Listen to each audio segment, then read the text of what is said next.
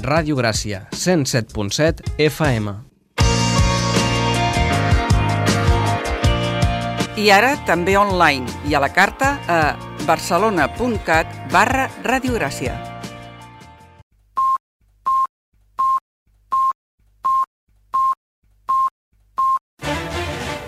Música i geografia.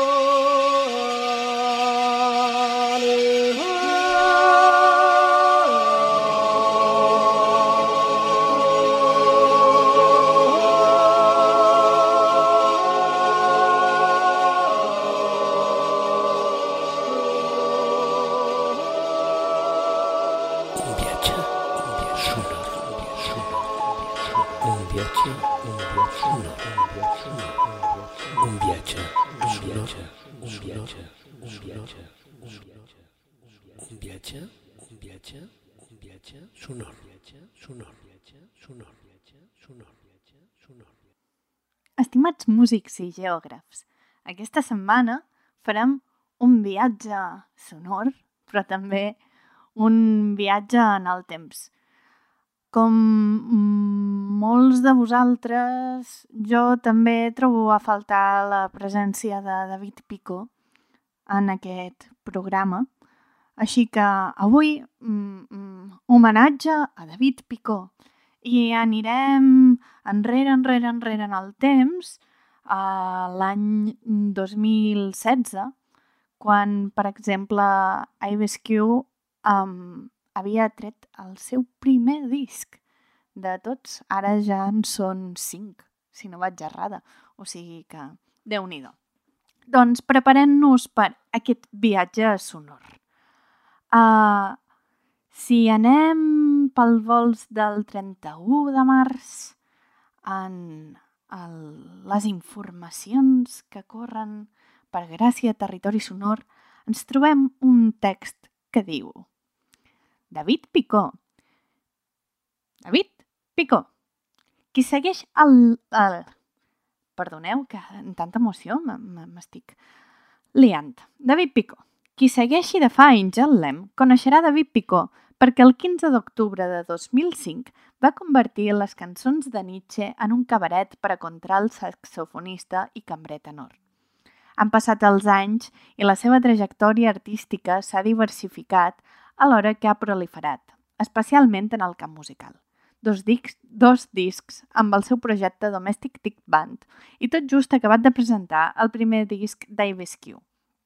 Això no l'ha fet abandonar la persecució de la seva particular balena blanca, la relació de la filosofia i la ciència en tot plegat i la mutació que pateix el cervell quan agafa per sorpresa i destila una gota altament concentrada de sentit de l'humor. No tornaré a ser socràtic, deia en el darrer disc de la Domestic Tick Band. I mentre explora els territoris mentals d'Ives Q, ens proposa aquesta conferència cabaret lúdico-cultural basada en dos principis epistemològics que es poden resumir en tres. Rigor i lògic, versemblança, cultura, còmica i, ri i rigor i lògic. No hi havia pressupost per un tercer aspecte nou. D'Einstein a Einstein, passant per la concepció del temps, la literatura russa, els egipcis, els presocràtics, els mamífers i la natació, apta per a tots els públics, d'edats, gèneres i oïdes diverses. L'acompanya en aquest viatge Xavi Kazan, autor, actor perdó, i director escènic de molt llarga trajectòria en el món del teatre. David Picó i Xavi Kazan van utilitzar la figura del físic més conegut de tots els temps per obrir i tancar un joc de paraules a dues veus que va durar a prop d'una hora, però, no se'ns va, però que se'ns va fer curt. Idees i conceptes extemporanis fora del seu context o les dues coses alhora van servir-les per vertebrar el seu discurs amb un humor tan absurd com agut. Fi i canalla al mateix temps i efectiu a jutjar per les sonores riallades. perdoneu-me aquests entrebancs que, que m'han agafat mm, llegint el text, però és que també estic molt nerviosa perquè ara, tot just ara, quan acabi el programa de ràdio, tenim un encontre a l'Espai Tens, a la seu de Gràcia Territori Sonor, així que podeu venir corrent, corrent, corrent, corrent, corrent. Uh, res, us deixo amb David Picó i Xavi Kazan. Gracias por venir a la conferencia Einstein y todo lo demás.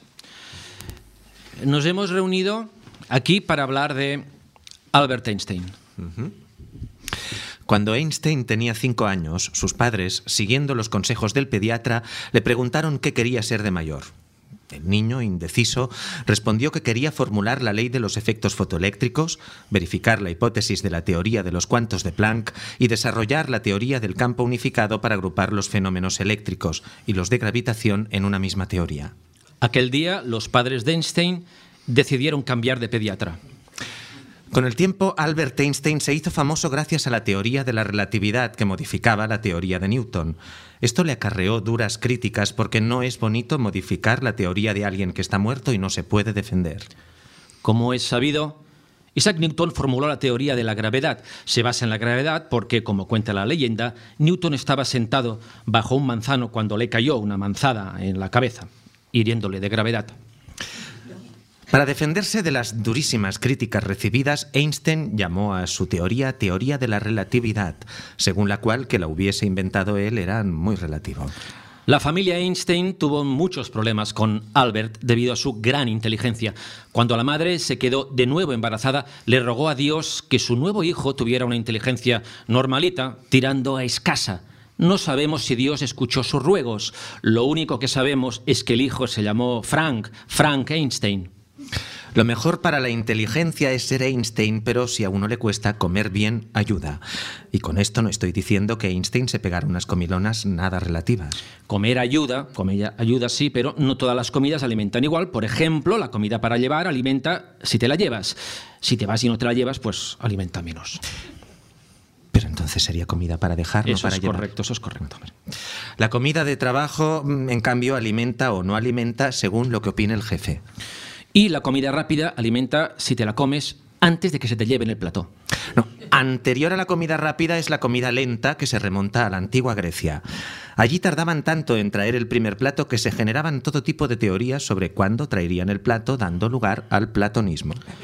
Pero antes de Platón y mucho antes del plato vino Sócrates.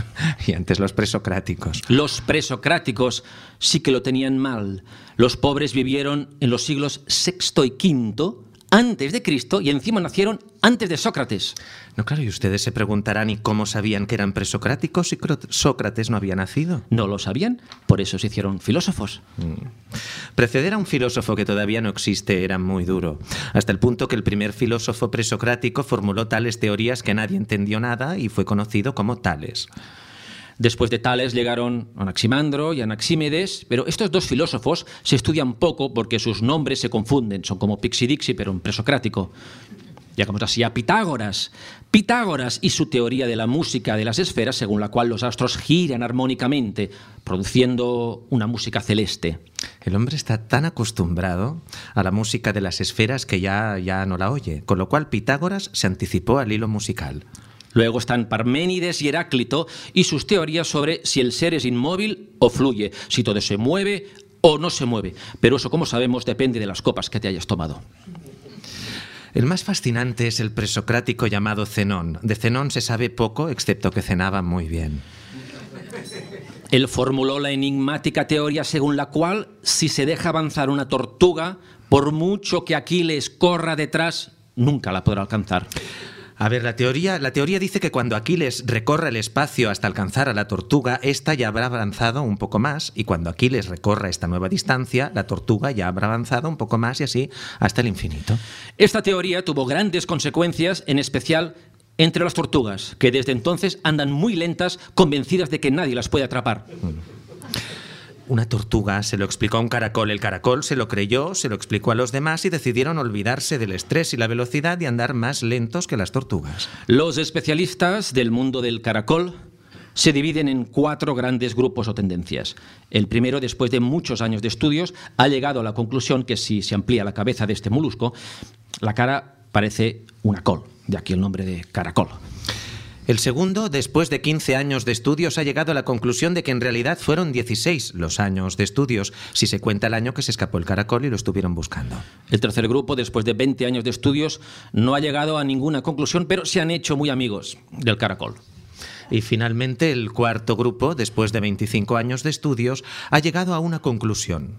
Concretamente, el caracol ha llegado a una conclusión, pero no piensa decirla hasta que el primer grupo no retire que los caracoles tienen cara de col. El caracol, señores y señoras, es hermafrodita. Cuando un caracol se fija en otro y lo desea, está engañando a su otro sexo, es decir, se engaña a sí mismo, y es entonces cuando le crecen los cuernos o tentáculos. Por eso viven en el campo para esconderse de las multitudes que podrían burlarse de él. Claro, lo que no se entiende del campo es que siendo uno de los destinos más visitados por las personas urbanas lo hayan puesto tan lejos de la ciudad. Cuando vas en coche al campo, lo más importante es saber cuándo has llegado. Uno sabe que ha llegado al campo porque los árboles no dejan ver los semáforos. Bueno, hay otros indicios. Las moscas son enormes y se llaman pájaros. Uno de los placeres de la montaña es bañarse en un río. Encontrar el río no es difícil. Lo realmente difícil es encontrar los vestuarios. No, pero siempre se lo puedes preguntar a una vaca. ¿Sabes dónde están los vestuarios? Y te responderá mu, eh, que es contracción de muy cerca o muy lejos. Las vacas odian la exactitud, por eso no son exactamente ni blancas ni negras. Gran animal la vaca que nos da leche. Cuando no había leche la gente mojaba el croissant en el gazpacho. Esta situación cambió con la aparición de la vaca. La vaca apareció en las praderas y se supo que era suiza porque llevaba reloj. El origen de los combinados de leche es una incógnita.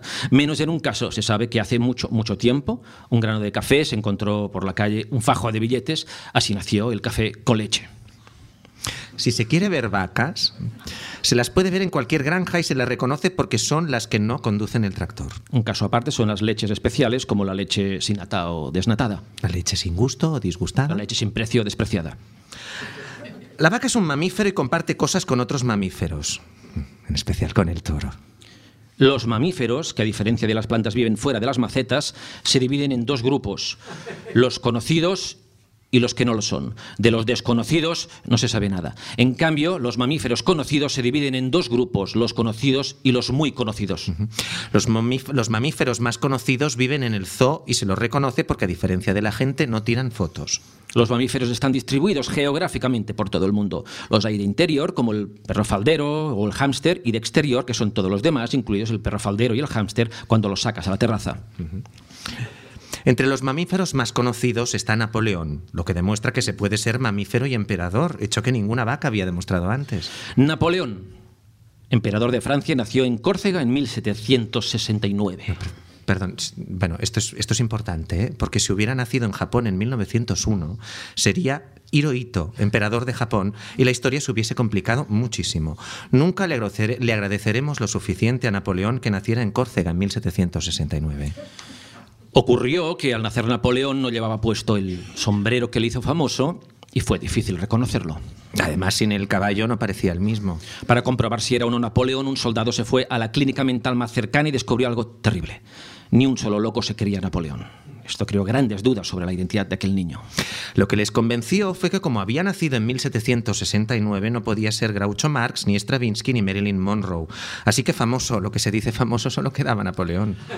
Napoleón debe buena parte de su fama a sus victorias militares, por eso lo llaman Napoleón Buenaparte. Era tan bueno consiguiendo victorias que incluso cuando lo derrotaron en Waterloo, de acuerdo, perdió la batalla, pero años después ganó el Festival de Eurovisión con ABBA. Con el tiempo, Napoleón no rodó sopa de ganso, no compuso la consagración de la primavera ni protagonizó con faldas y a lo loco, lo cual confirmaba definitivamente que no era Groucho Marx, Stravinsky ni Marilyn Monroe. A los padres de Napoleón no les gustaba que su hijo se fuera a la guerra cada dos por tres. Cuando regresaba tarde a casa, su padre le preguntaba, ¿de dónde vienes, hijo mío? Y Napoleón disimulaba y respondía, ah, de jugar un partido de fútbol. Pero su uniforme manchado de sangre y con restos de brazos y piernas todavía colgando le delataba. Entonces su padre, con la mirada triste, le decía, hijo mío, como sigas así, te van a sacar tarjeta roja. Finalmente, cuando en 1812 Napoleón invadió Rusia, sus padres empezaron a sospechar que su hijo nunca sería profesor de flauta. Pero desde entonces Francia ha cambiado. Ahora el producto más conocido de Francia son los niños que vienen de París, por eso cuando llegan, entre que están tan cansados del viaje y hablan francés, pues no se les entiende nada. De Francia hay que decir que la Francia de Luis XIV es el ejemplo típico, típico de absolutismo. A esta monarquía autoritaria se le denomina así absolutismo, porque cuando se busca un ejemplo para ilustrarla, absolutamente siempre se cita la Francia de Luis XIV. El día que se cite otro ejemplo se la llamará de otra manera. A pesar de que muchos críticos no están de acuerdo, Flaubert es considerado el rey de la literatura francesa por unanimidad. Quizás porque le separan más de dos siglos, un aspecto poco estudiado es la influencia de Cervantes sobre Flaubert. No es casualidad que los dos fueran escritores, que los dos escribieran novelas y que la fama de los dos haya llegado hasta nuestros días. Efectivamente, Madame Bovary se divide en tres partes tituladas primera parte, segunda parte y tercera parte. Las tres partes están ordenadas correlativamente según la serie lógica. Así a la primera parte le sigue la segunda, mientras que a la segunda le sigue la tercera. Dándose el caso que si a la primera le siguiera la segunda y no hubiera tercera, titulándose la primera el ingenioso hidalgo Don Quijote de la Mancha y la segunda, segunda parte del ingenioso caballero Don Quijote de la Mancha, estaríamos delante de una nueva prueba irrefutable de la influencia de Cervantes sobre Flaubert. Por otro lado, teniendo en cuenta que Shakespeare es un clásico como Cervantes, podemos deducir que Shakespeare también influyó en Flaubert. Shakespeare, Shakespeare bueno, fue un gran escritor, eso lo sabe todo el mundo, pero tenía muy poca memoria, eso no lo sabe todo el mundo, tan poca que a veces repetía los títulos de sus obras y se veía obligados a numerarlos para poderlos diferenciar. Que si Enrique IV, Enrique V, que si Enrique VI, Ricardo II, Ricardo III. a ver. A veces, al acabar de escribir una obra, no recordaba quién era el protagonista, si este o aquel, y en el título los ponía los dos, Romeo y Julieta, Antonio y Cleopatra, a ver si colaba. El caso extremo fue cuando, en un momento culminante de una obra, no se acordó si el protagonista tenía que decir ser o no ser, y le hizo decir las dos cosas. Así era Shakespeare. Shakespeare tenía poca memoria porque dormía poco y dormía poco porque al tener mala memoria no se acordaba de ir a la cama. Así lanzo un nuevo tema porque la literatura no es mi fuerte. De acuerdo, perfecto. Como he sabido dormir es muy importante, uno sabe que está dormido porque aún no ha sonado el despertador. No dormir se debe a dos causas, no tener sueño o no saber contar ovejas. Para dormirse rápido lo mejor es numerar las ovejas y ponerlas en fila india si las cuentas mucho más deprisa. Ujú. También hay el sistema clásico de imaginar 100 ovejas saltando una valla. En este caso, lo mejor para dormirse rápido es imaginarse a las 100 ovejas juntas saltando a la valla a la vez. ¡Pum! Te quedas frito al instante. Lo que ocurre es que a veces te despiertas a medianoche y no hay manera de volverse a dormir. Y es normal, porque las ovejas están cansadas de saltar. Y si para combatir el insomnio hay que sumar ovejitas, para combatir la somnolencia hay que restarlas 100, 99, 98. Los que las hacen saltar lo tienen más complicado porque hacerlas saltar hacia atrás pues no es sencillo. Lo que es importante es no restar demasiadas ovejas porque entonces vuelves a tener insomnio. Lo bueno de sufrir insomnio es que así tienes mucho más tiempo para leer literatura, no lo sé, francesa, por ejemplo. Tema que no vamos a desarrollar porque ya lo hemos tratado antes. Bueno, eh, si no te gusta la literatura francesa, también se puede leer en este caso literatura mm, alemana. La literatura alemana se divide en dos grandes grupos. El primero está formado por escritores cuyo nombre tiene dos sílabas y el apellido una. Escritores como Hermann Hesse, Thomas Mann, Bertolt Brecht o Hermann Broch, incluyendo sus discípulos Hermann Mann, Bertolt Broch, Thomas Hesse y Hermann Brecht. El segundo grupo está formado por brillantes escritores alemanes, pero el primero es tan interesante que nadie ha estudiado el segundo y no se sabe cuáles son. Del primer grupo destaca Thomas Mann. Su obra maestra es La montaña mágica, que no se debe confundir con El lobo estepario de Hermann Hesse. Novela esta última totalmente diferente a La montaña mágica hasta el extremo que nadie jamás las ha confundido. En España la influencia de la literatura alemana ha sido escasa. Cuentan que el primero que oyó el nombre de Thomas Mann respondió no gracias, no tomo. Y hasta aquí la literatura alemana. Claro que si sufres insomnio, también puedes leer literatura colombiana. Para ser colombiano, escritor y colombiano hay que cumplir dos requisitos, ser escritor y colombiano. De acuerdo, sí. Una vez establecida esta premisa, podemos dividir la literatura colombiana en dos grupos. El primero es el grupo formado por escritores colombianos que cumplen el 50% de los requisitos, como por ejemplo Shakespeare, que es escritor pero no es colombiano. Otros escritores colombianos célebres de este grupo son Homero, Kafka, Ramón Llull, Pessoa y Oscar Wilde. El segundo grupo está formado por escritores colombianos que cumplen el 100% los requisitos y destacan tres nombres, Gabriel García y Márquez.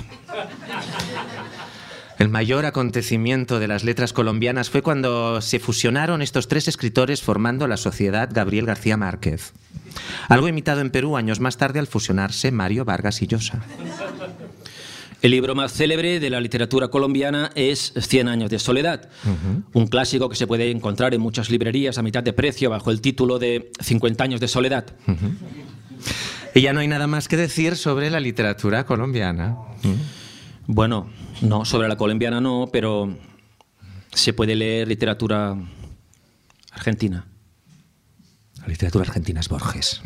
Es Borges que solo tiene dos buenos libros, poesía completa y prosa completa. Los demás son irrelevantes. Borges no estaba loco, pero dicen que si tienes insomnio y no duermes nunca, te vuelves loco. De tanto leer como el Quijote. Por consiguiente, si estás loco, no te preocupes, o bien sufres insomnio, o bien eres el Quijote. Si no estás loco, pero te crees el Quijote, entonces estás soñando. Y si estás soñando, es que no tienes insomnio. Y si no tienes insomnio, no hace falta leerse ningún libro de ninguna literatura de ningún país. Excepto excepto que te interese el tema de la locura y te leas las obras de Freud, con lo cual, si estás loco, te podrás curar a ti mismo. Sigmund Freud, centrémonos en él. Freud fue el fruto de la relación entre su padre y su madre, lo cual le marcó para toda la vida. Molesto por el hecho de que sus padres le hubieran tenido sin consultarle, Freud decidió desarrollar una teoría sobre el sexo, la familia y la infancia sin consultar a sus padres. En Viena estudió neurología, que es la ciencia que estudia las neuras. Pero este campo le pareció demasiado ortodoxo y se especializó, se especializó en estudios eh, psicopatológicos. Freud era así, psicopatológicos, estudio psicológico de las actitudes poco lógicas de los patos. Cuando hubo curado a todos los patos, por eso ya no hay patos alocados y son todos unos osos, ¿eh? se fue a Londres. Londres, Londres, una ciudad magnífica, eh, con un problema. Se conduce al revés. Es muy complicado y pierdes mucho tiempo. Concretamente pierdes una hora, que es la hora de menos que hay en Londres. Es cierto, es cierto, cuando llegas a Londres hay que restar una hora. Eso tiene sus inconvenientes. Por ejemplo, si, si, viajas muchas veces a Londres vas acumulando y acumulando horas restadas hasta el punto que cuando llegas a Londres es el día anterior. A mí lo de la hora siempre me ha perturbado mucho y no voy nunca a Londres. Yo soy más de viajar a Lisboa. No, pero Lisboa también hay una hora menos. Sí, es verdad, pero como el viaje en avión dura más o menos una hora, pues si sumas la hora del viaje y le restas la hora de Portugal, pues te quedas igual. No, claro que peor que restar horas es restar años. Por ejemplo, Cleopatra, ¿eh? reina de Egipto, que vivió del año 69 al 30 antes de Cristo, le costaba asimilar que después de las 12 campanadas ya era un año menos. A Cleopatra restar le afectó muy negativamente porque en aquella época las calculadoras funcionaban con jeroglíficos egipcios y tardabas dos dinastías en entender las instrucciones. Se restaban los años y muchas más cosas. Un menú, por ejemplo, costaba menos 10 euros.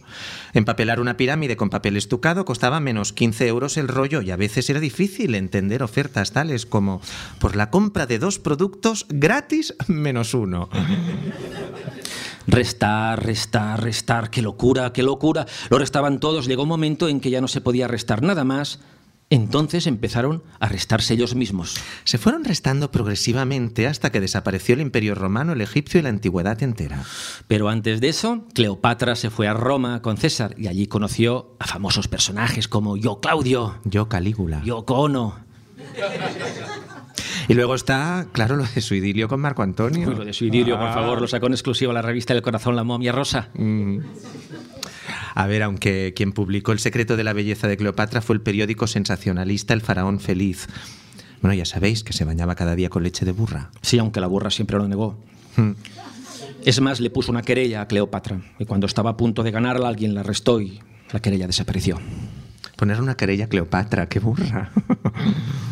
Toda la historia de Egipto es fascinante, en especial cuando en el año 3400 a.C. se unieron, se unieron el, el Alto y el Bajo Egipto. Esta unión creó un grave problema, ya que el Alto Egipto era muy, muy, muy alto y los del Bajo Egipto no podían subir.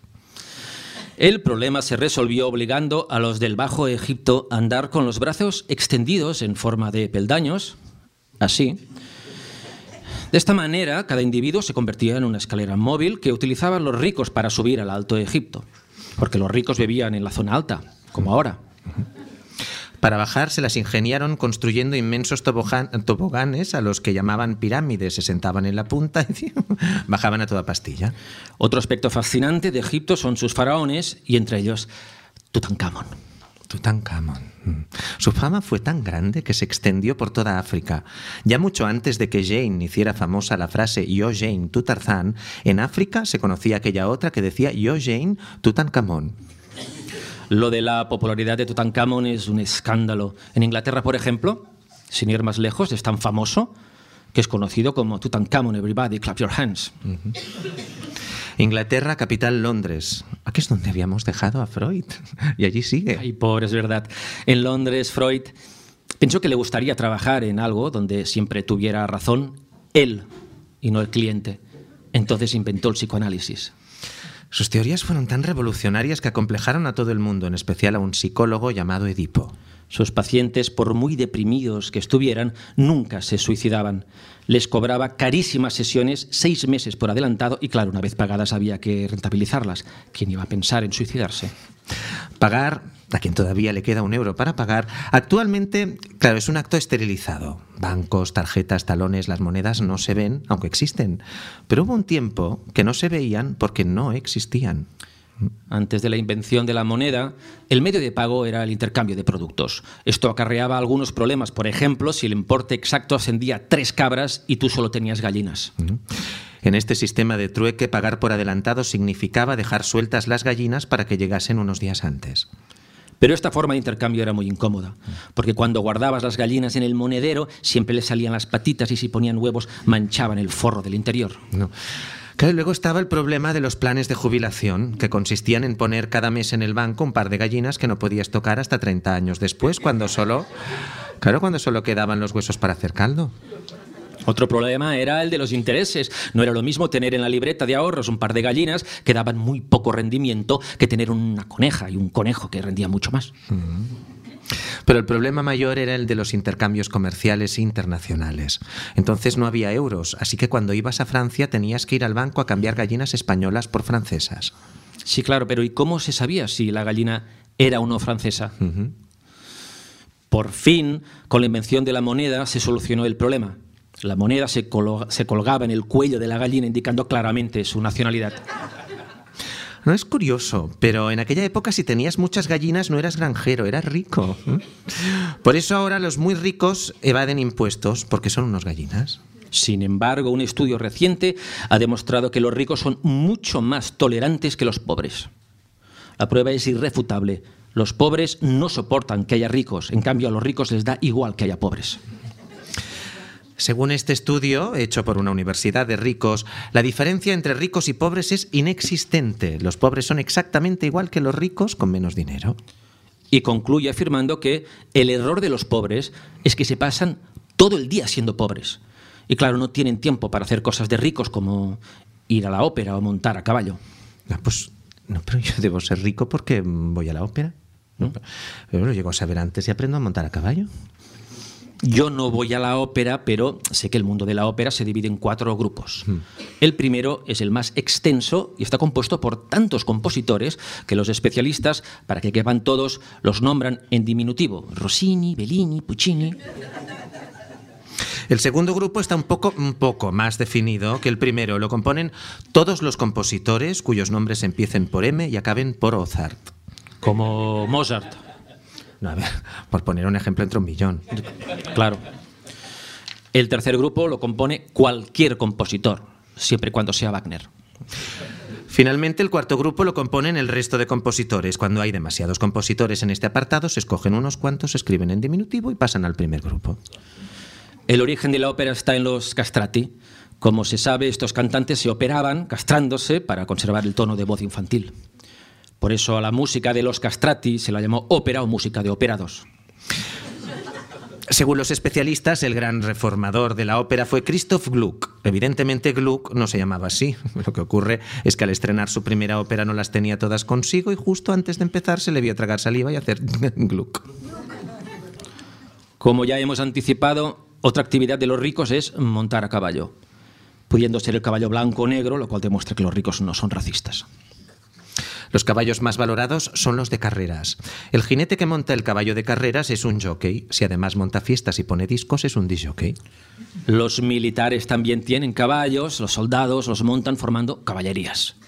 Hay tres tipos. La caballería andante, que es cuando los soldados se han olvidado los caballos y van andando. La caballería ligera, que es cuando el general tiene la ligera sospecha de que los soldados se han olvidado algo, pero no sabe qué es. Y el séptimo de caballería, que es cuando el general juraría que van mucho más lentos que de costumbre y ya es al séptimo soldado que se lo comenta. A ver, todo el mundo sabe algo de los caballos, pero ¿y la yegua? ¿Mm? Qué gran marginada. Nadie se pregunta cuántas yeguas tiene un coche, ni se ha planteado jamás que el caballo de Troya fuera una yegua.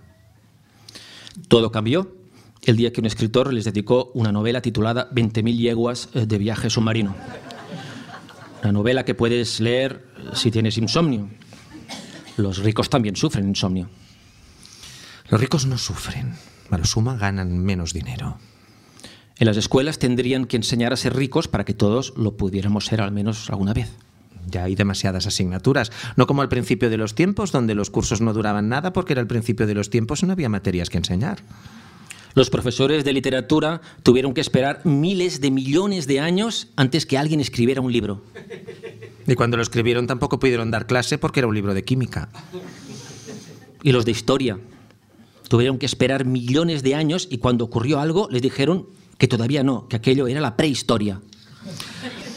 Cuando se desarrolló la enseñanza la clasificaron en cuatro grupos. Enseñanza individualizada, que es cuando la materia se enseña a todo el mundo pero solo la entiende un individuo. Enseñanza a distancia, que es cuando la materia no la entiende nadie porque el profesor está muy lejos y no se oye nada. Enseñanza superior, que es cuando el profesor grita para que se le oiga pero solo se oye en la planta superior. Y la enseñanza obligatoria, que es la que especifica que, con independencia de donde esté, es obligatorio oír al profesor. A ver, es obligado oírle, pero no dice nada de verlo, con el consiguiente ahorro de luz. La luz, la luz, este sí que es un tema digno de estudio. Mm, Echemos un poco de luz sobre la luz. De entrada, perdón, de entrada una advertencia. Antes de que se hiciera la luz en la Tierra ocurrieron muchas cosas, pero como no había luz nadie las vio, así que no podemos contarlas. Cuando al fin se hizo la luz, pasaron cosas extraordinarias. Lamentablemente la gente quedó cegada y no vio nada, así que tampoco podemos contarlas. A ver, se sabe eso sí que el primer día de luz la gente quedó asombrada. Sin embargo, el segundo día protestaron mucho porque aquello ya lo habían visto el día anterior. Fue entonces cuando decidieron clasificar la luz de la siguiente manera, luz que ilumina cosas sin nombre, Luz que ilumina cosas redondas. luz que ilumina cosas redondas que están lejos y no se ve qué son, ni siquiera si son redondas. Y luz que ilumina los jueves. Hay que recordar lo importante que es la luz para la vida. Por ejemplo, para las plantas. Si en tu casa las plantas no se ven bonitas, es que no tienes luz. En cambio, si hay luz pero no se ven, es que no tienes plantas.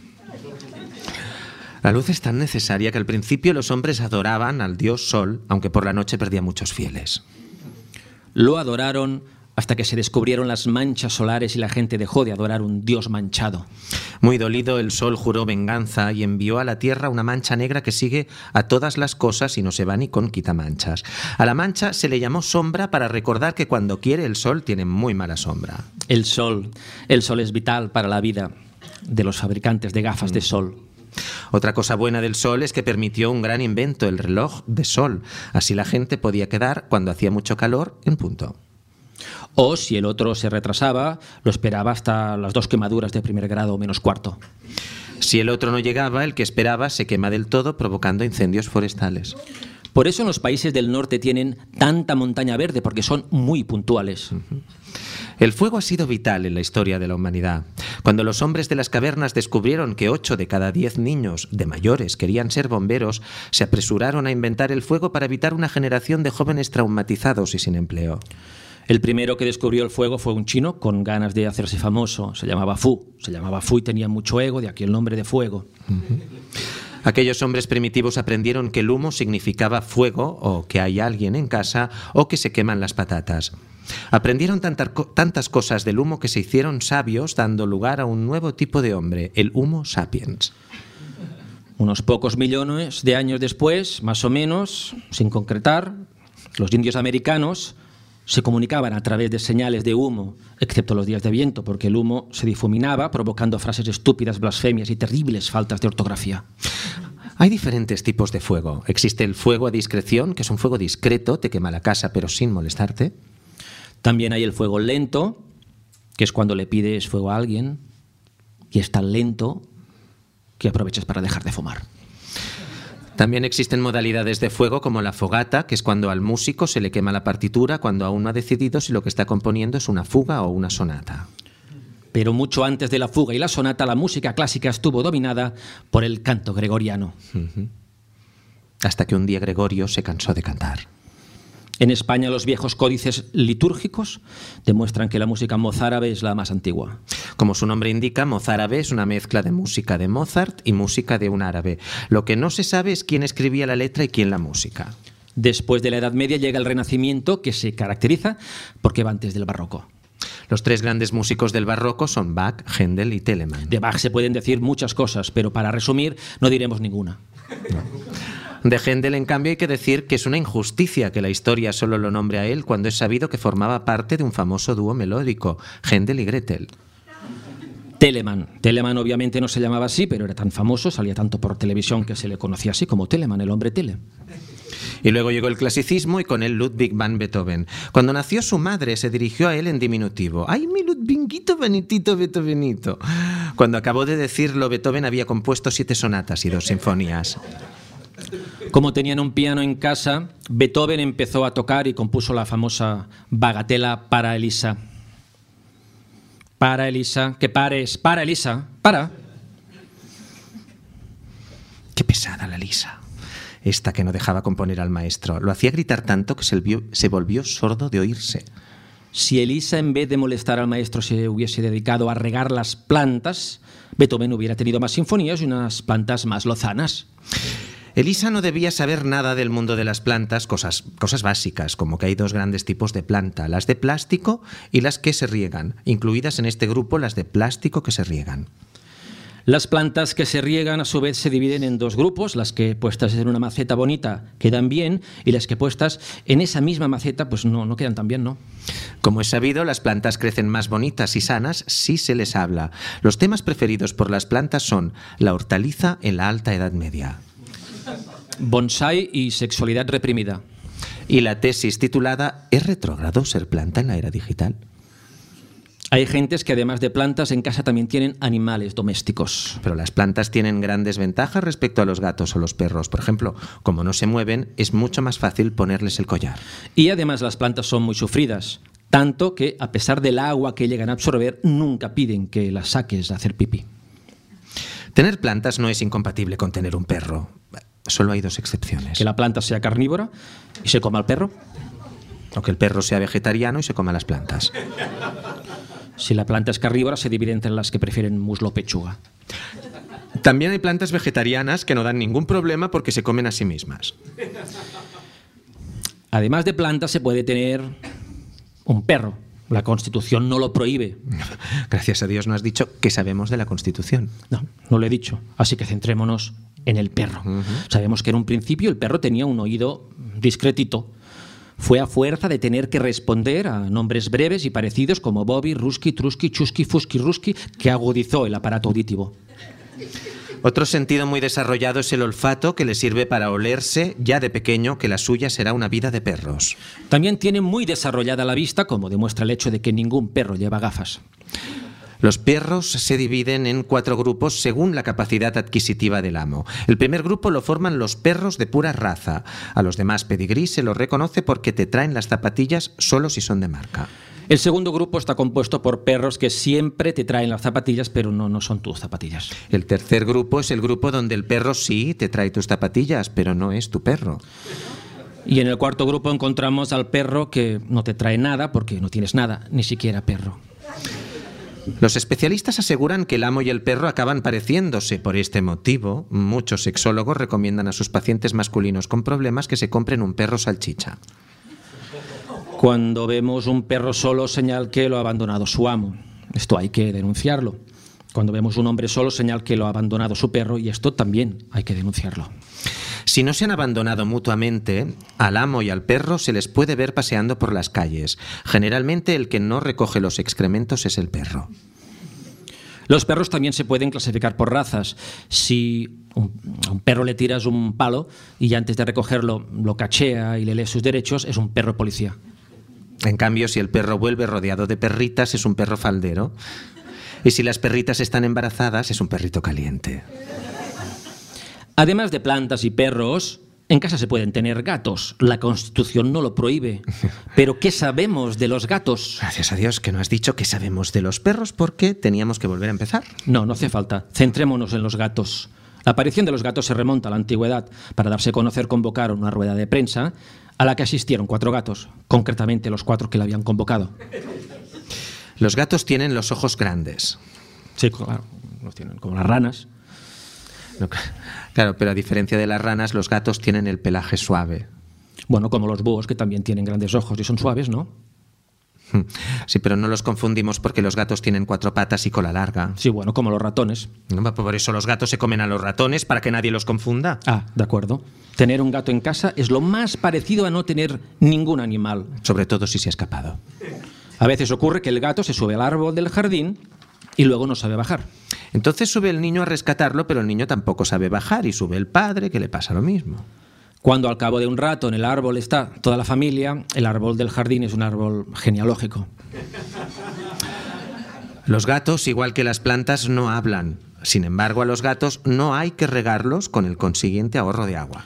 Cuando uno va a comprar un gato en una tienda de animales domésticos, hay que saber que existen dos tipos de gatos. Uno, los, los gatos salvajes, que se reconocen fácilmente porque al ser salvajes no se venden en las tiendas de animales domésticos. Y dos, los gatos domésticos, que sí están en las tiendas y se reconocen porque a diferencia de los clientes no quieren comprar nada.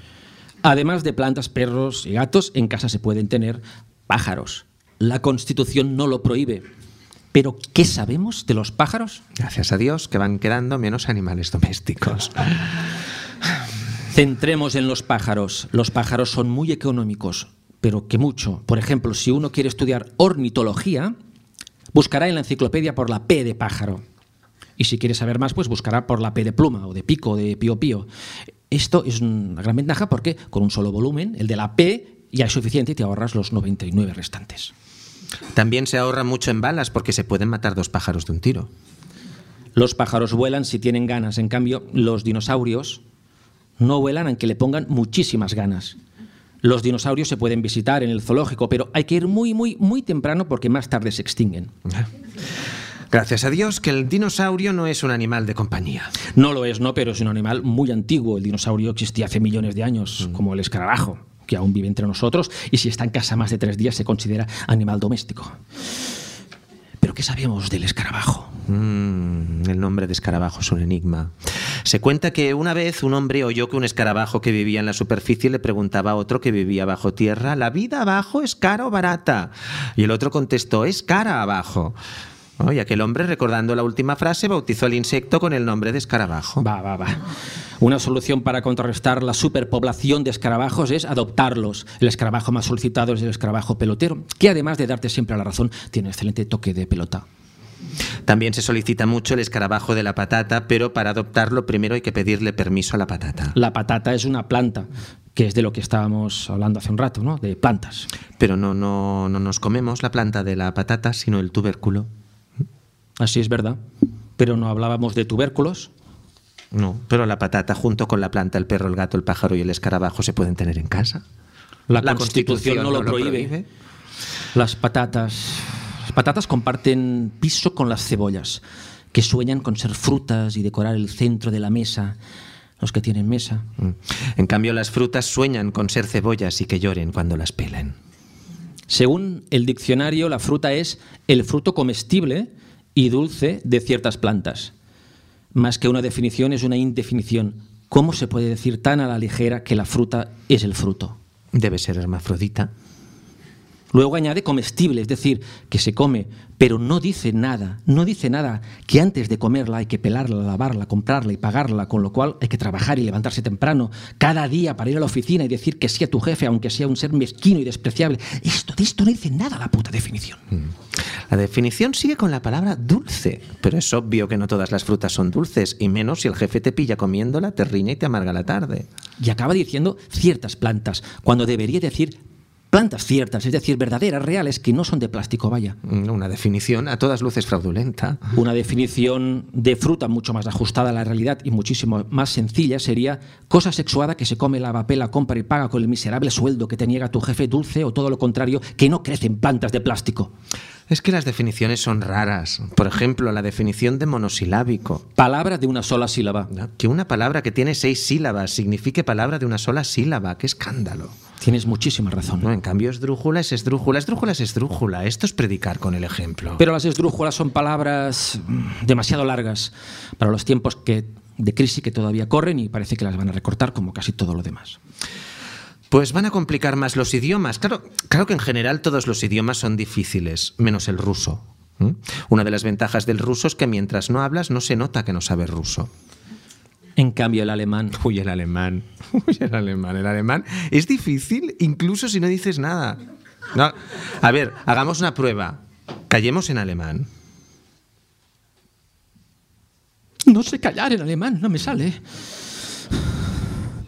Una cosa buena de los idiomas es que no son excluyentes. Si aprendes alemán también puedes aprender chino, aunque no se parezcan en nada.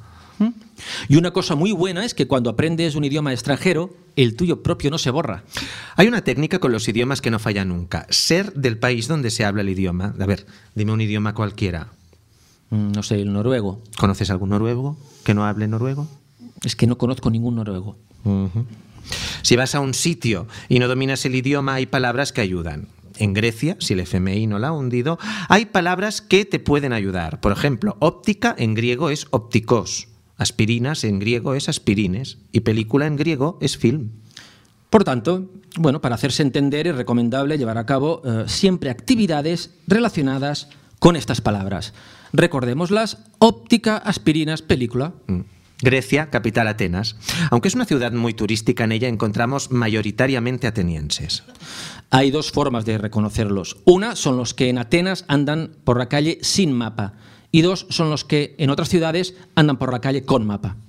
Aunque lo mejor de Atenas fueron sus Juegos Olímpicos. En los primeros Juegos hubo cierta confusión en la, clasificación de los deportes. Algunos se mezclaron y dieron lugar a disciplinas tales como petanca rítmica, ajedrez sobre patines, ping-pong acuático y maratón con pértiga. La pista de atletismo, a su vez, tampoco estaba en condiciones, como demuestra que los 100 metros valla se, se denominaba en aquel entonces valla 100 metros, por su mal estado. Sin duda, el deporte más popular en Grecia era el lanzamiento de disco. Los atletas lo cogían y lo lanzaban sorprendentemente lejos. No se puede asegurar, pero se rumorea que el disco era de Georgie Dan. En la edad moderna han aparecido los deportes de riesgo, como el parchís electrónico, donde una descarga puede ser mortal, o los nuevos deportes como el puenting, el ajedrezing, el waterpoling, el no dar ni golping, que en su modalidad con pala es no dar ni gol ping pong. Sin olvidar la natación. La primera vez que un hombre vio una piscina, se lanzó al agua, no hizo nada y se ahogó. Si al que cazaba pues lo llamaban cazador y al que pescaba pescador, al que en el agua no hacía nada lo llamaron nadador. Y desde entonces la natación empezó a tener éxito y los nadadores se lanzaban a la piscina para competir. Ganaba el último en ahogarse. Luego la natación deportiva evolucionó y concretaron reglas. El agua de la piscina no podía estar hirviendo. Porque al hervir el vapor no dejaba ver nada a los espectadores. La piscina tenía que ser más larga que el nadador. Y muchas más normas aparte de estas. Bueno, que puede leerlas en el ensayo muchas más normas aparte de estas. Un libro que no encontrarán a la salida escrito por el gran, gran más grande de los nadadores, Mark Spitz. Mark Spitz. No sé si lo recuerdan. Ganó siete medallas de oro en los Juegos Olímpicos de Múnich del año 1972. Unas medallas grandes y preciosas. Y hubiera ganado más si en la última carrera se hubiera acordado de quitárselas.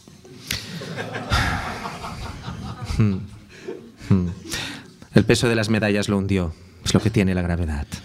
Es raro que en su teoría de la gravedad Isaac Newton no dijera nada de Mark Spitz. Supongo que por eso Mark Spitz se vengó y nunca se le ha oído decir nada de Isaac Newton. Y Einstein, al modificar la teoría de Newton, tampoco dijo nada de Mark Spitz. Por tanto, podemos llegar a la conclusión que Mark Spitz ha sido sistemáticamente marginado del mundo, de la ciencia. No. Y eso ni Einstein lo puede relativizar.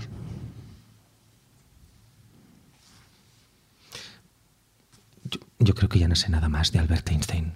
Yo sabía una cosa, pero me he olvidado. Muy buenas noches. Buenas noches.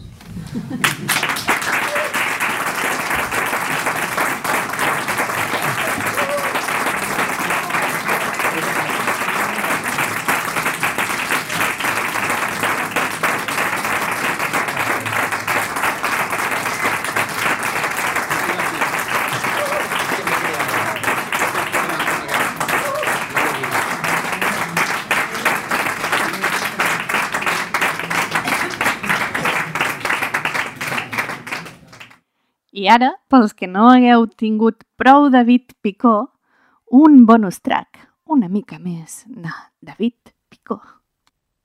Ànimes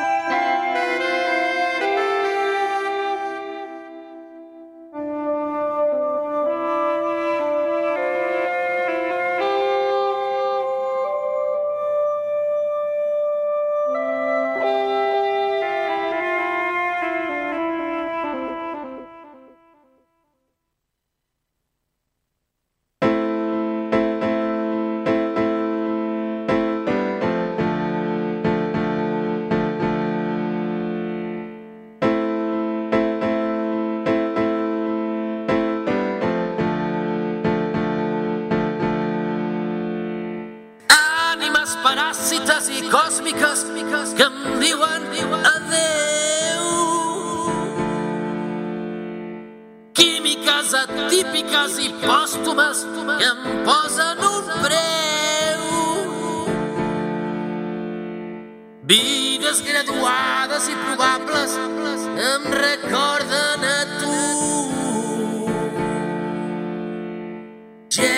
insaludibles i pretèrits em recorden a tu.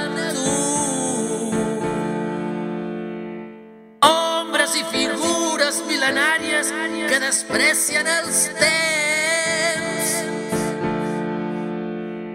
Roques anunciades i ferides que amenacen els vents. Termes cabalístics imperfectes